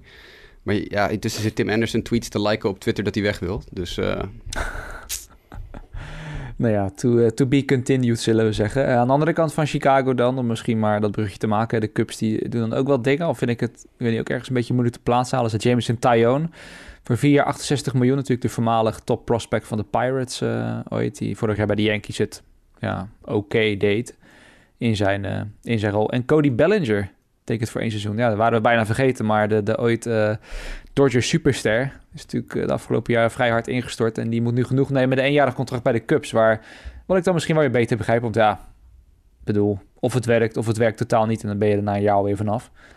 Ehm, maar ja, vooral Tyone, ja, vier jaar. Ik weet, niet, ik weet niet goed wat ik ervan moest denken. Maar dat is meer omdat dat team ook gewoon nog steeds niet echt tot de verbeelding spreekt. Maar ja, je moet iemand op die heuvel zetten. Dus nou, het gekke is, ze hebben de, de eigenaar, eigenaarclub bij de, bij de Cubs heeft gezegd... eh, dat zijn de Ricketts, hè, de familie Mhm. Ricketts. Die hebben gezegd min of meer van... hey, carte blanche, geef maar uit wat je uit wil geven. Oké, Eh, nou ja, je hebt on- ongelimiteerde eh, financiële middelen. En ja, dan weet ik niet of Tyone en, nee, ja, dat is het dan meer. ja. en Bellinger... Zeker met Bellinger natuurlijk. Dit is een prove-it deal voor Bellinger. Bellinger is natuurlijk drie jaar, vier jaar echt heel slecht. Hè? Dat is gewoon Mhm. echt daadwerkelijk de afgelopen drie Ja. seizoenen... werkelijk waar niet meer waard dan ik zou zijn geweest in Major League Baseball. Ehm, dit is gewoon voor hem een prove-it deal. Maar voor een prove-it deal vind ik 17,5 miljoen echt wel veel. Oh, zo, dat geldbedrag had ik er niet, eh, daar was ik niet van bewust. Oh, zo, dat is ja, één, eh, één jaar 17,5 miljoen vind ik behoorlijk veel. Oh, dat, eh, voor, ja. voor een prove-it deal. Dat is... kijk, dan kijk ik naar zo meteen... Wat, wat gaat Joey Gallo dan krijgen? Weet je Mhm. wel? Want die is technisch gezien iets beter geweest dan Cody Bellinger de laatste twee, drie jaar. Ook niet heel goed, maar wel beter dan Bellinger. Dus die gaat, die gaat nu ook zeggen van... hé, nou, als Bellinger Ja. één jaar 17,5 krijgt... allemaal van mij die, dan ook allemaal maar van, eh, 20. van die soortgelijke prove-it deals, ja, voor richting Ja, maar dat 20 is toch echt een beetje onzinnig. Ik snap, de Cubs schieten zichzelf een beetje in de, in de voeten mee. En als je het geld hebt natuurlijk oké. maar je, je verkloot er de markt gewoon een beetje mee. Want Bellinger is geen 17,5 miljoen dollar waard. Dat is hij gewoon niet. Dus amper 10 miljoen zou die waard zijn geweest. Dus het is... eh, ja, het, het verschuift de markt een beetje op een manier die ik denk niet gezond is voor de sport. Maar goed. Nee, maar dan, ja, ik, ja, nogmaals wat ik zeg, dat ik zie dan nu dat hij inderdaad, hij zou de outfield vormen met Ian Happ, Seiya Suzuki. Eh, ja, Ja, is geen slecht outfield. Niet slecht, heeft, had een Gold Glove gewonnen dit jaar volgens mij? Ja, volgens mij had hij een Gold Glove gewonnen. ja kan wel, ja. En Suzuki kan ook vrij redelijk outfield ja, nee, spelen. Bellinger is ook gewoon... gewoon... eh, En gewoon een de- goede defensieve outfielder wel, Bellinger, dat, dat zeker. Ja. Maar ja, hij moet wel een bal gaan raken. Anders dan, eh, dan wordt het een lastig, lastig verhaal, ja. Maar het is, nou ja, de Cubs doen in ieder geval iets, zullen we zeggen. Eh, verder nog wat dingen, ja, nu komen ik echt wel een beetje, een beetje in de marge. Nou, je zei net al wel dat de Guardians niks deden, maar wel George Bell binnengehaald voor twee jaar. 33 miljoen. heel slim, heel slimme move. Ja, vind ik toch Ja, f- een slim. soort speler waarvoor je niet, eh, nou ja, meteen de hele payroll tegenaan hoeft te gooien, maar ja, denk Nee, dat- en ik denk dat het eigenlijk ook... Kijk, dat is eigenlijk heel gek. Bell is veel productiever dan Bellinger. Maar Bellinger krijgt meer per jaar. ja, nee, Dat inderdaad. snap, ik, ja. dat snap ik dan weer niet. Want Bell is veel productiever geweest. Ja, toch ook altijd al bewezen overal waar hij is geweest. Eh, kijk, het is geen superster, maar gewoon een, een relatief betrouwbare power hitter. Ja. Ja. En vooral, zij zullen hem dan waarschijnlijk uh, als DH gaan, uh, gaan inzetten, staat hier. Eerste George, George Naylor dan, ja, die heb je dan op eerste om. Je kan natuurlijk ook wisselen natuurlijk. Maar... Volgens mij is Bell een betere defensieve eerste om dan Naylor. Dus ik, als okay. ik hem was, zou ik dat omruilen. Maar Bell kan ook een klein beetje outfield spelen. Dus je zou kunnen zeggen dat ze... En Naylor volgens mij heeft ook ooit in een ver verleden... Ja, die heeft wel outfield gespeeld. Af en toe wat outfield gespeeld. Dus het zal wel een soort rotatiesysteem worden tussen DH, eerste honk en rechtsveld of zo. Dus in ieder geval duidelijk wel power. Want dat is natuurlijk al, dat missen de, de, Guardians al jaren eigenlijk. En afgelopen jaar mm. toch, ondanks het gebrek aan, de playoffs gehaald. Ehm, maar ja, dit zorgt in ieder geval dat er achter Ramirez iemand zit die, uh, die pitchers ook nog enigszins bang, uh, kunnen maken.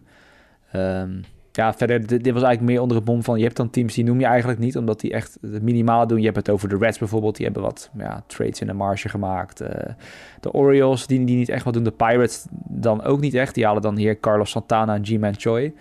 uh, ja, dat zijn allemaal van die deals dat je onder dan denkt... van er moet toch iemand op nou het veld daarom, staan. Dat, ja. dat, zo had ik het een beetje tussen gezet inderdaad. Er zijn echt van die teams, de Nationals vallen ook wel onder. Uh, ja, die je niet hoort. En bij sommigen kan ik het misschien wel begrijpen, maar aan de andere kant, ja kan toch iets meer. Vooral de Reds vind ik wat treurig. Hoe snel dat is gegaan van we gaan echt meedoen. Tot binnen twee jaar van nou toch niet, sorry. We gaan het uh, andere, andere keer proberen. Belangrijkste loss voor de, voor de Reds. Die natuurlijk zich wel versterkt hebben in de minors dit jaar. Dankzij de trade onder andere voor Luis Castillo. Waar ze behoorlijk mm -hmm. veel uh, voor binnengehaald ja, hebben. Ja, natuurlijk. dat is wel zo. Ja. Ze zijn, uh, ze zijn hun, hun hoofdmedische staf kwijtgeraakt. Jeff Head. En dat is mm echt een, ja, een van de rising stars binnen de medische en biomechanische honkbalwereld. Okay. Die is naar de Chicago White Sox uh, overgestapt. Dus uh, die mag daar het hele, het hele medische ja, plan gaan vormgeven. En dat is echt wel een van de betere... Nou, op het, puur op het gebied is van dingen als hè, biomechaniek. Van oké, okay, mm -hmm. waar, waar, waar, moet je je gewicht hef, hebben? Waar, waar, moet je, hoe moet je je arm houden om bij jou persoonlijk als pitcher... het meeste uit je, uit je kracht te halen of zo, dat soort dingen. Dus hij echt heel, heel goed. Dus daar hebben de Reds wel een aardige, aardig verlies geleden ook. Ja dan, dan, dan, dan verder, want ik, ik had nog wel een paar teams hier. Bijvoorbeeld de Oakland A's, die hebben Alepmis Diaz en Jace Peterson gehaald. als enige. Ja, dat is, de Kansas City Royals hebben niks gedaan. Letterlijk niks. Geen trade, geen, uh, geen signing nog.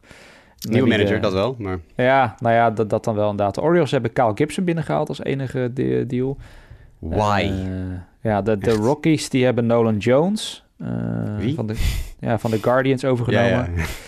Uh, ook niks. Pitcher Chad Smith van de Ace. En ze hebben Sam Hilliard weggedaan voor Dylan Spain. En José Ureña getekend. Nou, die ze geloof ik al hadden, maar uh, die heeft dan bijgetekend voor een jaartje. En de enige die misschien wel verrast is de Dodgers. Want die hebben we eigenlijk nergens in genoemd. Maar dat komt meer. Die hebben uh, als enige kleine Kershaw eigenlijk een, een dealtje gegeven voor nog een jaar erbij. en Shelby Miller staat hier voor één jaar en een, anderhalf miljoen. Maar dat is dan toch best wel verrassend. We hebben het over heel veel grote teams. Maar de Dodgers zijn als enige een beetje... Ja, blijven op de vlakte.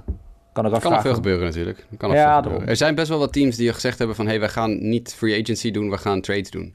En de Dodgers hebben natuurlijk best wel veel getrade de laatste jaren. Um, en die hebben ook natuurlijk een heel diepe farm. Die hebben een vrij diep roster. Dus die kunnen ook heel veel dealen om op verschillende plekken sterker te worden. Dus het zou me niet verbazen als ze nog een tradeje hier of daar tegenaan gooien. Alla uh, vorig jaar uh, AJ Pollock voor uh, Craig Kimbrell vrij laat in het offseason. Mm, ja, ja. Nou ja, precies. Dan verder, bijvoorbeeld in de AL East hebben de race dan wel Zack Eflin binnengehaald. Dat ik wel gewoon weer een ja, prima deal denk vind ja. voor de race. Altijd een team dat wel pitchers aan de praat weet te krijgen. En Eflin was in principe al een oké okay pitcher bij de Phillies. Dus dat is niet prima. Binnen de divisie verliezen ze dan wel Kevin Kiermaier. Die tekende vannacht was dat bij de Toronto Blue Jays. Uh, details Als vervanger van de vertrokken Teoscar Hernandez. Ja, die dan weer naar de Mariners gaat. Want ja, Jerry Podo die is ook weer uh, druk bezig geweest natuurlijk. Heeft Colton Wong onder andere binnengehaald. Uh, hebben Kyle Lewis dan weer weggedaan naar Arizona. Hè, voormalig top prospect Kyle Lewis toch? Ja. Naar Arizona voor Voormalig Cooper Rookie of the Year, 2020 corona Rookie of the Year was zelfs inderdaad. Ja, voordat de blessures toesloegen. Terugkwamen. Ja. Nou ja, weer terugkwamen. Het is altijd de knieën hè, bij Kyle Lewis. Het is altijd de knieën. En dan Theos En natuurlijk uh, Jesse, Jesse Winker en Abraham Toro zijn weg bij ja. uh, Mariners voor Colton Wong... om die trade even compleet te maken. Dat is wel een slimme trade. Want Winker lag niet zo goed in die groep, heb ik begrepen. Uh, mensen vonden bij de Mariners dat Winker eigenlijk nooit zijn best deed. Dus die hebben ze geloosd. En Colton Wong is wel een, altijd heel populair geweest bij de Brewers. Dus slimme, slimme move. Een heel leuk interview met Jerry DePodo van de week... bij de, de baseball podcast van Jordan Schusterman en zijn maatje... De okay. voormalige Cespedes barbecue uh, jongens. Hmm, Oké. Okay. Als je hem niet gehoord hebt, moet je even luisteren. Nee, zegt, uh, ze hadden Jerry DePodo te gast bij de winter meetings. En wij maken altijd wel een beetje grappen over DePodo... en het feit dat hij natuurlijk zo verschrikkelijk veel trades maakt... dat hij het niet meer kan bijhouden.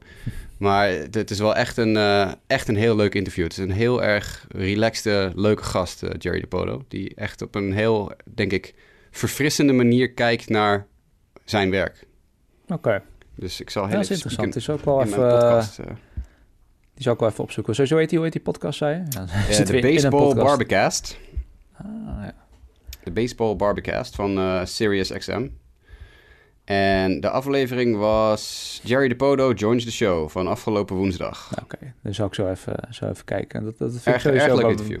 Nee, nee, nee, want het komt ook meer omdat ik sowieso zelf... Ik bedoel, wij maken een homo-podcast hier voor die paar Nederlandse liefhebbers die, eh, die trouw luisteren. Maar ik vind dat sowieso het aanbod best wel karig is soms. Meer qua eh, echt een homo-podcast die een beetje wat anders eh, de sport behandelen. Dus eh, Zeker. Dat Nee, dit is om, de, bar- de Barbecast is sowieso erg leuk. Het zijn gewoon de, de jongens van de Cespedes Family Ja. Barbecue. Eh, Jordan Schusterman. En ik ben zijn andere, die andere gast vergeet ik iedere keer, maar goed. Maar dit was een leuk interview. Oké. Nou ja, maar de Mariners waren dus weer druk. En eh, misschien het verlengde daarvan tot slot de Angels in diezelfde divisie. Ja, die proberen natuurlijk ook in de marge wat dat betreft wat moves te maken. Hebben Hunter Renfro, Gio Urshela en pitcher Tyler Anderson aangetrokken. En laatst Dat is echt een achterlijke deal. voor Tyler best wel een leuk jaar natuurlijk bij de Dodgers. Maar Dat is echt een achterlijke deal. Maar goed. ja, het zijn de Angels. Ja. en ze moeten wat. Kijk, en als Anderson zijn niveau had van vorig jaar bij de Dodgers... zullen ze zeggen, nou, eh, toch weer een stuk dichter de playoffs. Maar ja, als je dan het record van vorig jaar ziet... moeten ze echt wel wat stappen maken. Ehm, ja, hopelijk helpen Renfro, Urshela en Tyler Anderson daarbij. En dat eh, was het dan wel voor de moves. Ja, ik had hier nog wel Braves om het rijtje echt compleet te maken. Die hadden getrade voor reliever Joe Jimenez van de Tigers. Tigers verder ook niet echt wat gedaan, behalve dat ze Matthew Boyd hebben teruggehaald. En Joe Hilliard van de Rockies, die kwam naar eh, de Braves. Dus dat eigenlijk. Ja, wel- Draftloterij. Ja, Draftlot had ik erbij gezet inderdaad. Want eh, dat was natuurlijk wel eh, wat dat betreft nieuw. Dat nu net zoals bij de NBA de balletjes gingen rollen.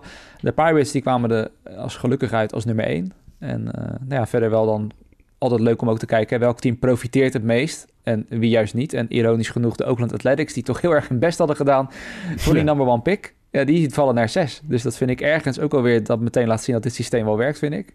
En de weird-ass Minnesota Twins tegen van 13 naar 5 of zo. Ja, precies. Die waren de grootste profiteurs. Maar ook dat Ja. vind ik, ja, dat hoort erbij. Ja, maar moet het dan de Twins zijn? Kom op, jongens. Nee, Oh, ja, dat, dat snap ik dan misschien vanuit jouw perspectief inderdaad. Dat je zegt van, nou, moeten zij dan weer dat geluk hebben?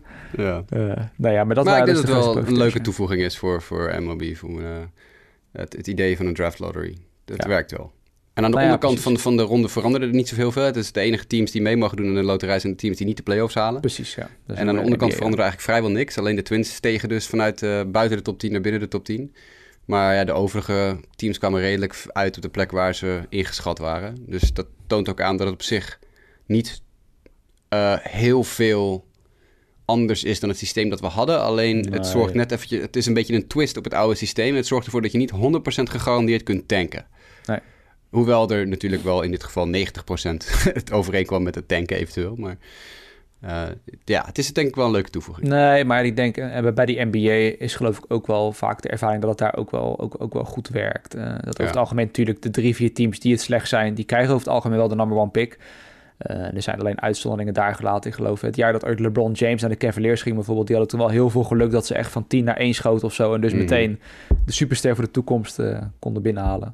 Eh, Ja. Maar ja, daar heeft zichzelf denk ik ook wel bewezen. En ik denk dat er bij MLB ook wel, eh, wel goed zal komen. Ehm, dan tot slot was misschien nog leuk om Rule te kijken. 5, moeten we de Rule 5 ook nog noemen of niet? Ja, Niet nou ja, ik, ja, die was wel geweest inderdaad, maar ja, ik moet zeggen, zo diep is zit ik één in interessant eh, dingetje. Of eigenlijk, nou, drie. Laten we zeggen Ja? drie interessante dingetjes. Oké. Ten eerste de Phillies. Mhm. Die moeten echt wel even eruit gelicht worden bij de, bij de, de Rule 5. Die hebben namelijk in elke ronde van de minor league fase een speler gekozen. Dat gebeurt bijna nooit. Oké. Die hebben letterlijk zeven spelers in de minor league ronde gekozen. Ze waren de laatste drie rondes van die draft, die duurt zeven rondes. Maar in de laatste drie of vier rondes waren ze het enige team die telkens een speler kozen. Het is dus zo bij de Rule 5, op het moment dat je een speler kiest, kwalificeer je ook au- automatisch voor de volgende ronde. Kies je geen speler in een ronde, dan ben je klaar voor de dag. Dan eh, mag je niet meer verder. Ja. Dus eh, in, in de Major League fase, nou, ik denk ongeveer de helft van de teams kozen een speler. En in de tweede ronde koos niemand een speler.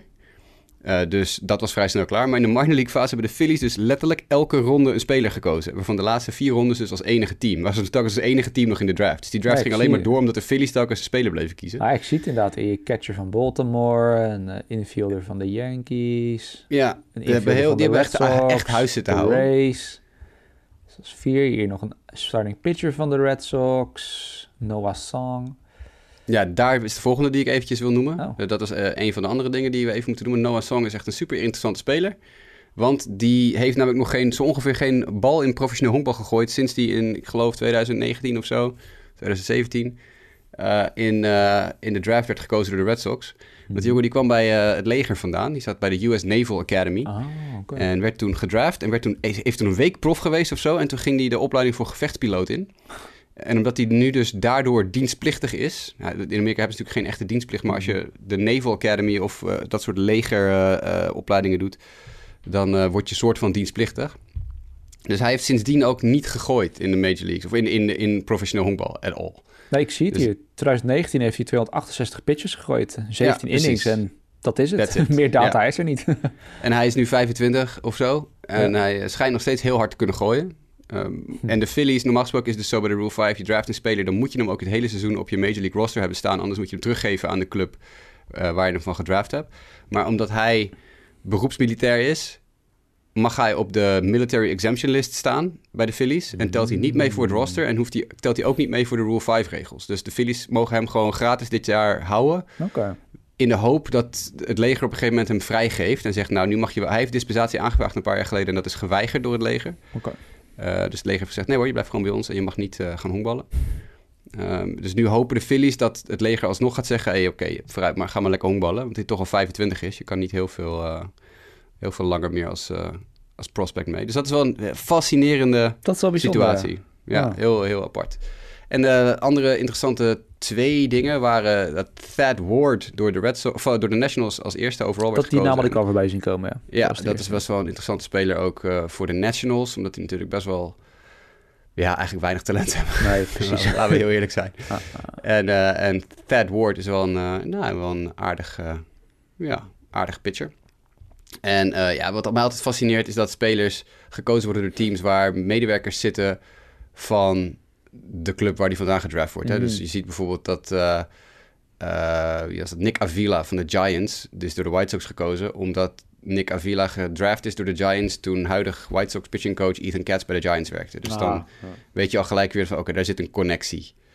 En spelers die gelijk doorgetrade worden. Hè? Dus Blake Sable, die door de Reds op vier plek, eh, de plek 4 werd gedraft. En Kevin Kelly op plek 8 door de Rockies. Die dan vervolgens meteen die speler doortraden naar een ander, een ander team. Is altijd wel, wel opvallend. En verder zijn de Red Sox behoorlijk uitgekleed. De Guardians zijn behoorlijk uitgekleed. En de Dodgers zijn behoorlijk uitgekleed. Die hebben heel veel spelers zijn die kwijtgeraakt in de Rule 5 draft. Ja. Op zich, Dodgers vind ik er ook weer niet zo gek. Dan kan je zeggen, daar valt waarschijnlijk voor vooral de wat minder getalenteerde teams altijd wel wat te halen. Ja. Zeker, ja. Nou, Yankees zijn, eh, zijn drie of vier spelers in totaal kwijt. Major League en minor league fase. Guardians zijn een stuk of vier kwijt. Dodgers een stuk of vier. Dus eh, ja, dat, eh, dat was even over de Rule 5. Ja. Nou ja, en dan misschien, voordat ik naar het laatste stukje wilde gaan, noemde ik de koopjesbak van Free Agents. Hadden we natuurlijk dat eh Fred McGriff nieuws natuurlijk nog. Eh, Ja. Maar alleen ja, toen zei ik wel van erbij, missen we misschien wel de, de juiste persoon voor om daar De voorzitter van de te- Nederlandse te- Fred, te Fred McGriff ja. fanclub. Ja, Sander Grasman. Maar mooi dat McGriff in de, wat is het ook alweer, de Contemporary Baseball Era Committee of zo? Ik weet niet meer hoe deze committee ik heet. geloof dat het zo heet, ja, of zoiets inderdaad. Ja. Waar dan verschillende Major League managers en pitchers en andere personen in zitten. Greg Maddox zat er dit jaar in. Chipper Jones zat er officieel dit jaar in, maar die had COVID, dus die kon niet bij de vergadering zijn. Hm. Eh, Frank Thomas, Hall of Famer, zat erin. En die hebben uiteindelijk inderdaad unaniem gekozen voor Fred McGriff. En dat vind ik een prima keuze. Lijkt mij ook. Ik eh, heb nooit zien spelen natuurlijk, maar ik, eh, van de verhalen die ik dan ken natuurlijk, onder andere dankzij Sander, Dankzij Sander. vind ik het ook een prima keuze. Dan tot slot, want free agency gaat er natuurlijk nog door. En dan is nu vooral natuurlijk de vraag, misschien vooral voor mensen die luisteren, die denken, ja, mijn team heeft nog niet zoveel gedaan. Eh, wat, wat is er nou over om nog eh, geld aan uit te geven? Een beetje een soort kleine starting line-up gemaakt. We beginnen bij starting pitchers. Daar hebben we vooral Carlos Rodon, die heb je natuurlijk net genoemd. Ja, die wil Ja. waarschijnlijk een flink contract Zeven jaar, ja. krijgen. Ja. En dan hebben we verder nog Chris Bassett. Hier stond Senga nog bij, maar die is natuurlijk weggevallen. Die heeft getekend. Dan heb je Nate Iovaldi, Noah Syndergaard, Ross Stripling en Michael Waka. Ja, Weinig inspiratie haal ik hieruit uit deze Nee. lijst. Het is, eh, nou ja, als je je back-end moet opvullen, maar ik zie het ook wel weer voor me inderdaad dat dan de Royals of zo een, eh, een Stripling binnenhalen en die wordt daar de nummer 1 of nummer 2. dat, is, eh, dat is niet heel best. Dan qua catchers hebben we Christian Vasquez en Gary Sanchez. Had Vasquez niet interesse van een team? Er staat me iets van bij dat, er, dat ze vergaande... Nou ja, het lijkt me ook wel als Eh, Vasquez. Ik bedoel, het is niet een top-of-the-line catcher, maar Er staat me iets van bij dat eh, de Padres en de D-backs en ook de Twins hebben een, een formeel bod gedaan. Nou ja, Twins eh, die dan natuurlijk omdat Sanchez dan Vasquez. weg is. ja. Cubs hebben ook interesse in hem. Dus er is behoorlijk veel interesse in Christian Vasquez. Nou ja, en ook daar komt Gels weg. Het is inderdaad zo iemand die, nou ja, het, het is misschien geen top 10 catcher, maar valt er een beetje tussen 10 en 15. En als je dan inderdaad niks hebt daar, dan is het denk ik prima, eh, een prima jongen om het mee, eh, mee op te vullen. First baseman had ik Trey Mancini opgeschreven, want er is überhaupt niet echt veel aan first baseman eh, beschikbaar. Ja, Brandon Drury valt er misschien ook een beetje onder, ook zo'n soort van infielder die overal eh, terecht kan. Second base Gene Segura. Ik denk de meest eh, ja, aansprekende naam is Adam Frazier. Maar de grootste naam natuurlijk wel. En dat is dan ja, niet zo heel gek. Of grootste naam en eigenlijk bij korte stop zit dat natuurlijk. eh positie met heel veel getalenteerde spelers. Carlos Correa natuurlijk. Ehm, waar dan toch weer de vraag van gaat van ja, de Twins willen toch wel weer blijkbaar ver gaan om het toch weer terug te halen. Maar of dat gaat lukken, dat valt om te bezien. En Dansby Swanson, die ook eh, beschikbaar is. Dus ja, vooral teams die een korte stop zoeken, kunnen nog wel wat vinden. Eén van de twee gaat naar de Cubs. Hmm. You heard it here first. Oké, Ik weet niet wie van de twee, maar één van de twee gaat naar de Cubs. oké. Dat is van de categorie eh, Judge en de Yankees. De Cubs gaan kosten wat het kost een sterk korte stop binnenhalen. Ja, nou ja, dan, dan, daar valt Korea denk ik dan nog, nog meer onder. Dat is denk ik wel echt, eh, eh, ja, misschien qua nou, ik weet niet of je, hij heeft natuurlijk wel blessuregeschiedenis, maar weet niet, dan, dan voorzie ik Korea wel op zich in een kut, eh, zo kut outfit, wilde ik zeggen, Cubs outfit. is wel waar. ja. ja, voor jou wel inderdaad, ja.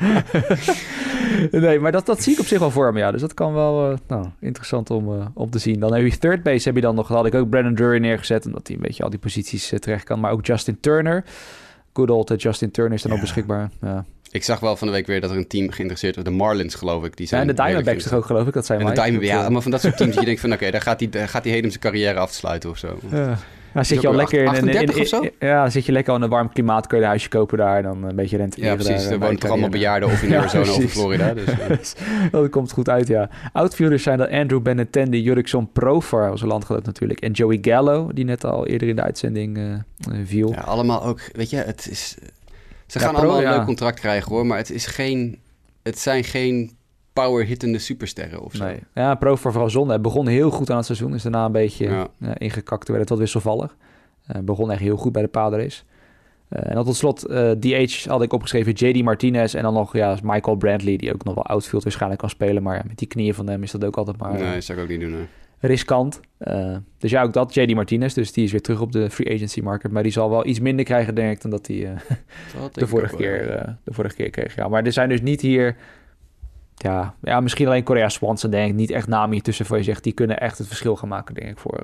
Nee, ja, Rodon. Rodon misschien misfit, maar... Ja, maar daar geldt ook weer voor. Ik bedoel, ik, ik snap wel dat hij zeven jaar wil, maar hij, de- er moet een beetje realiteit komen. En er moet ook een keer op een gegeven moment moeten er gewoon 30 clubs zijn die zeggen: Weet je wat, ga eventjes een rondje lopen met je, met je zeven jaar. Ja, dit gaan, we er even, dit gaan we collectief niet doen, ja. En ik gun Carlos alles wat hij eh, kan krijgen hoor. Laat hem lekker dik betaald krijgen. Allemaal dikke vette prima. Leuke pitcher met kijken en zo. Maar doe even gewoon, joh. Schat jezelf even niet zo. eh, overschat jezelf zo niet zo verschrikkelijk. Nou ja, hij heeft eh, Scott Boris, toch? Eh, Yep. Ja, nee, oké. ja, Scott Boris heeft natuurlijk de halve markt, maar dat...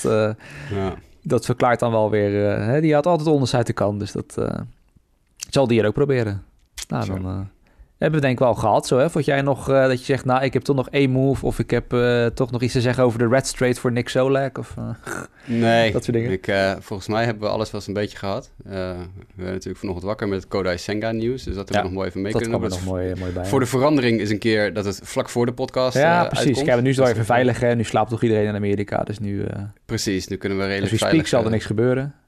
Nou, Cole Hamels die een comeback maakt, willen we daar nog iets over zeggen? Of wil maken? Ik wens hem heel Cole, veel sterkte. ja, is dat echt zo? Dat heb ik helemaal gemist. ja, ja, ja. Ja, hij, gaat, hij wil weer terugkomen. Oh. Dus dat zie ik ook niet gebeuren, als ik heel eerlijk ben.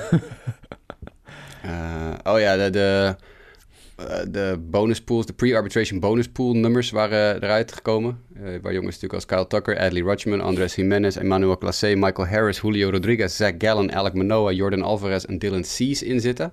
Oké. Eh, dat zijn allemaal jongens die eh, dus eh, ja, arbitration loonsverhogingen gaan krijgen. De, bovenaan de lijst Dylan Cease, die ingeschat wordt dat hij een 2,5 miljoen dollar loonsverhoging krijgt. Jordan Alvarez 2,4 miljoen, Alec Manoa 2,2 miljoen. Dat zijn de enige drie spelers die boven de 2 miljoen uitkomen. Voor zover mensen dat interessant vinden. Ja. Nou ja. Ehm, nou, dat is het wel een beetje toch? Nee. Victor Nou ja. Reyes, die naar de White Sox gaat als een, in een minor league deal.